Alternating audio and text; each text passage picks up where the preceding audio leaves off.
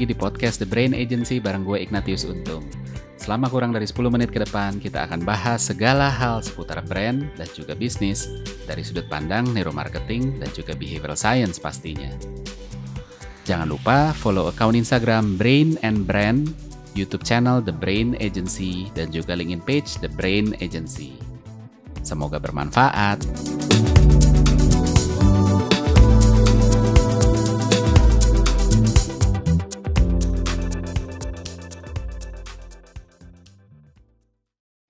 Hari ini saya mau bahas soal uh, satu kasus kasus nyata tentang campaign marketing ya yang berhasil uh, nggak dibahas sih di buku ini di buku brand and brand tuh saya nggak bahas tapi teori-teorinya sebenarnya ada di sini gitu. Tapi ini kita kita bahas uh, kasusnya apa eh tunggu apa ada ya? Uh, ya kurang lebih gitu. Tapi teorinya udah pasti ada di buku ini gitu ya. Nah uh, ini campaignnya Nike yang tahun 2018 uh, campaignnya judulnya Believe in Something gitu kan percaya terhadap sesuatu gitu kan punya punya keyakinan, punya kepercayaan, punya prinsip gitu ya. Uh, mereka pakai uh, yang bikin kontroversial itu karena mereka pakai salah satu atlet football Amerika gitu ya, namanya Colin Kaepernick gitu ya. Uh, Kaepernick ini adalah atlet yang dari 2015 itu dia main di liga NFL, tapi terus diberhentikan sama klubnya gara-gara setiap sebelum pertandingan kan ada ada ada sesi di mana nyanyiin lagu kebangsaan Amerika gitu ya. Nah biasanya itu orang berdiri megang dada gitu kan, tapi dia malah uh, berlutut satu kaki gitu ya sebagai bentuk penghinaan sebenarnya. Penghinaan atau uh, ya ya itu bentuk penghinaan lah secara umum ya. Uh, kenapa dia berlutut? Karena dia uh, memprotes ini ini bentuk protes dia terhadap kekerasan yang banyak dilakukan oleh uh, aparat di Amerika terhadap uh, kaum kulit hitam kaum Afro Amerika gitu ya. Uh, campaign ini diluncurkan uh, bersamaan dengan perayaan 30 tahun uh, penggunaan uh, tagline Just Do It nya Nike gitu ya. Jadi Just Do It itu udah 30 tahun terus dia mau pakai ini gitu kan. Ini untuk uh, goalnya adalah untuk nyampain uh, brand beliefnya tentang hard work, tentang determination, tentang apalagi uh, persistence gitu kan. Kom uh, Nike kan selalu komunikasiin itu gitu. Jadi ini kayak bener-bener secara bold dia mau bilang bahwa ya lu just do it gitu ya uh, ketika lu believe in something gitu kan. Nah, uh, full full full apa ya? full uh, wordingnya sebenarnya dia ngomong believe in something even it sacrifice everything gitu ya. Jadi percaya pada sesuatu bahkan ketika lu harus mengorbankan segala-galanya gitu ya. Nah, kelakuan Kaepernick untuk berlutut ini memang menjadi testamen atas slogan ini karena dia percaya bahwa uh, human right itu penting bahwa orang berhak mendapat perlakuan yang sama bebas dari warna kulit, bebas dari ras dan lain sebagainya. Dan dia tetap memegang itu bahkan ketika dia dipecat dan dari 2015 sampai 2018 dia nggak dapat pekerjaan gitu ya. Artinya nggak ada yang kontrak dia dia jadi pengangguran gitu ya jadi pemain free transfer aja. Nah ini dikomunikasikan Nike untuk nyemangatin orang-orang sebenarnya. Untuk kalau lu percaya bahwa lu bisa jadi atlet kalau lu percaya lu bisa jadi uh, olahragawan yang lebih baik lagi ya ya udah apa namanya ya lu harus lakuin itu percaya sama itu dan kalau itu harus mengorbankan segala-galanya lakuin kurang lebih gitu. Nah campaign ini uh, dari sejak awal memicu protes gede-gedean gitu ya. Uh, Colin yang sebegitu kontroversi dianggap uh, melakukan penghinaan terhadap simbol negara gitu ya lagu kebangsaan gitu ya.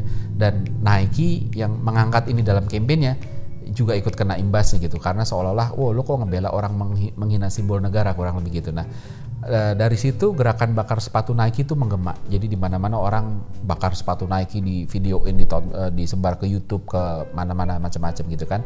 Bahkan presiden Amerika waktu itu Donald Trump itu juga ikut berkomentar dan komentarnya itu menentang uh, menentang apa ya kampanye Nike ini dan dan si uh, Kaepernick ini gitu ya. Tapi Nike nggak bergeming. Dia tetap mau jalanin campaign ini gitu ya. Uh, dan makin membesar makin besar uh, protesnya sampai suatu saat situasinya berbalik gitu ya. Beberapa selebriti beberapa public figure mulai menyuarakan dukungan terhadap uh, terhadap si kampanye Nike ini dan si apa yang dilakukan Kaepernick itu ini sebagai uh, bentuk suara ketidak apa ya suara yang merasa ditindas di, tidak adil sehingga dia ya bersuara dan makanya harus di, didukung gitu. Dan beberapa memamerkan ya jadi apa uh, jadi jadi uh, beberapa selebriti jadi bintang tamu di talk show dia pamerin gua pakai Nike ini dan lain sebagainya. Salah satunya Jim Carrey gitu ya.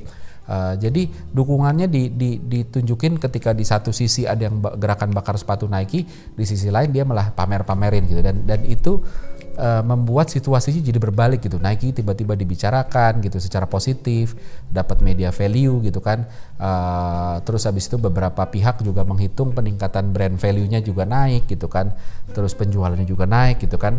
Nah, uh, campaign ini terus apa terus terus berlanjut gitu ya. Dan gerakan pembelaan terhadap kekerasannya ini juga juga terus menguat menguat menguat menguat. Tapi di sisi lain kekerasannya juga masih terjadi gitu. Sampai akhirnya uh, muncul gerakan Black Lives Matter setelah si George Floyd itu uh, meninggal setelah di dalam tanda kutip dianiaya oleh polisi gitu ya.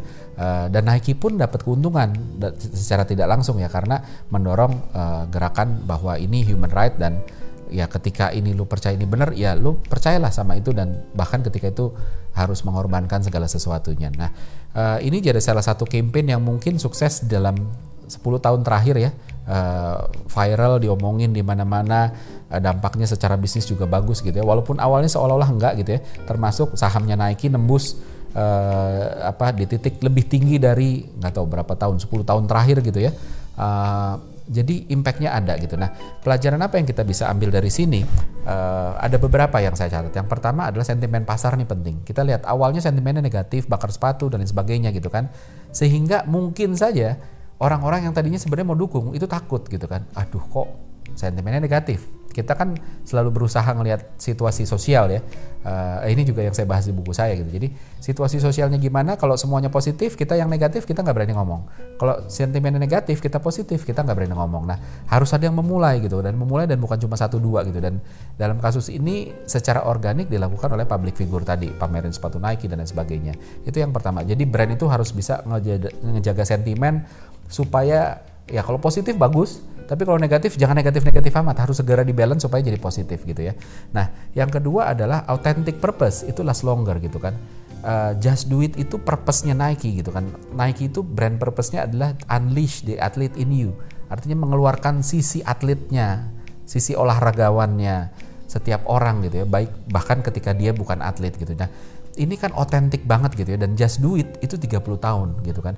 Udah 30 tahun bayangin tagline apa yang bisa segitu lama gitu nggak banyak gitu dan dia salah satunya jadi siapa yang bilang bahwa ganti tagline itu harus tiap tahun enggak nah tapi ini cuma bisa dilakukan ketika ini berawal dari atau berasal tagline-nya berasal dari purpose yang otentik yang benar-benar dipikirin toro dan berdasarkan insight yang memang dalam. Kalau enggak ya akhirnya harus ganti tiap tahun gitu. That's why makanya penting untuk ngedalemin ini dapat sesuatu yang berakar, satu yang insightful banget sehingga abis itu bisa dipakai 30 tahun. Nah, yang ketiga, ini juga tentang visi perusahaan kan. Visi perusahaan itu nyata bukan hiasan dinding gitu. Ketika kita bilang bahwa apa namanya believe in something, ini kan visi perusahaannya dia juga gitu kan. Kita believe bahwa orang-orang berhak untuk jadi atlet gitu kan.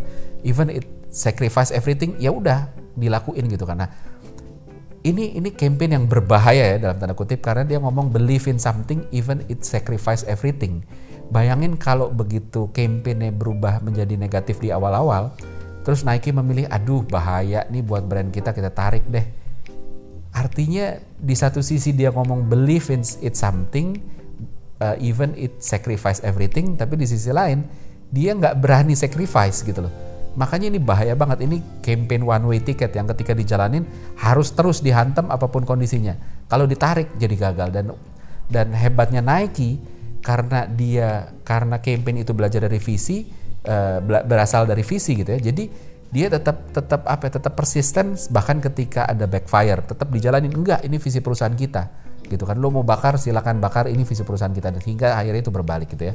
Nah yang keempat adalah uh, konsumen punya suara hati ini buat penyimbang yang ketiga tadi gitu kan kita bisa bilang kita punya visi gitu ya, tapi harus dilihat lagi visinya itu sejalan nggak sama suara hatinya konsumen. Nah kebetulan ini sesuai dengan suara hati konsumen dan konsumen itu orang ya manusia-manusia bisa juga yang yang punya suara hati sehingga apa pun yang resonate akan dibayin. Slogan itu bukan zaman sekarang ya, slogan, tagline, hashtag itu bukan cuma tentang produk, tapi tentang consumer story, tentang life mantra.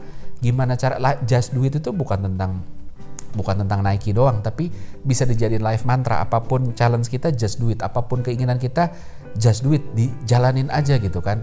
Uh, sama kayak apa Gojek punya pasti ada jalan itu juga live mantra. Tokopedia dengan mulai aja dulu itu juga live mantra gitu. Jadi memang arahnya ke sana. Nah yang kelima yang terakhir itu uh, ini menarik. Brand tuh harus punya courage gitu. Orang-orang marketing itu orang-orang punya courage yang berani ambil risiko yuk kita coba yuk gitu. Nah uh, brand itu kita tahu sekarang ini brand makin banyak informasi makin banyak. Kalau kita nggak berani bold kita nggak punya courage nggak akan menonjol. That's why makanya courage termasuk yang dilakukan Nike ini sesuatu testamen yang memang benar.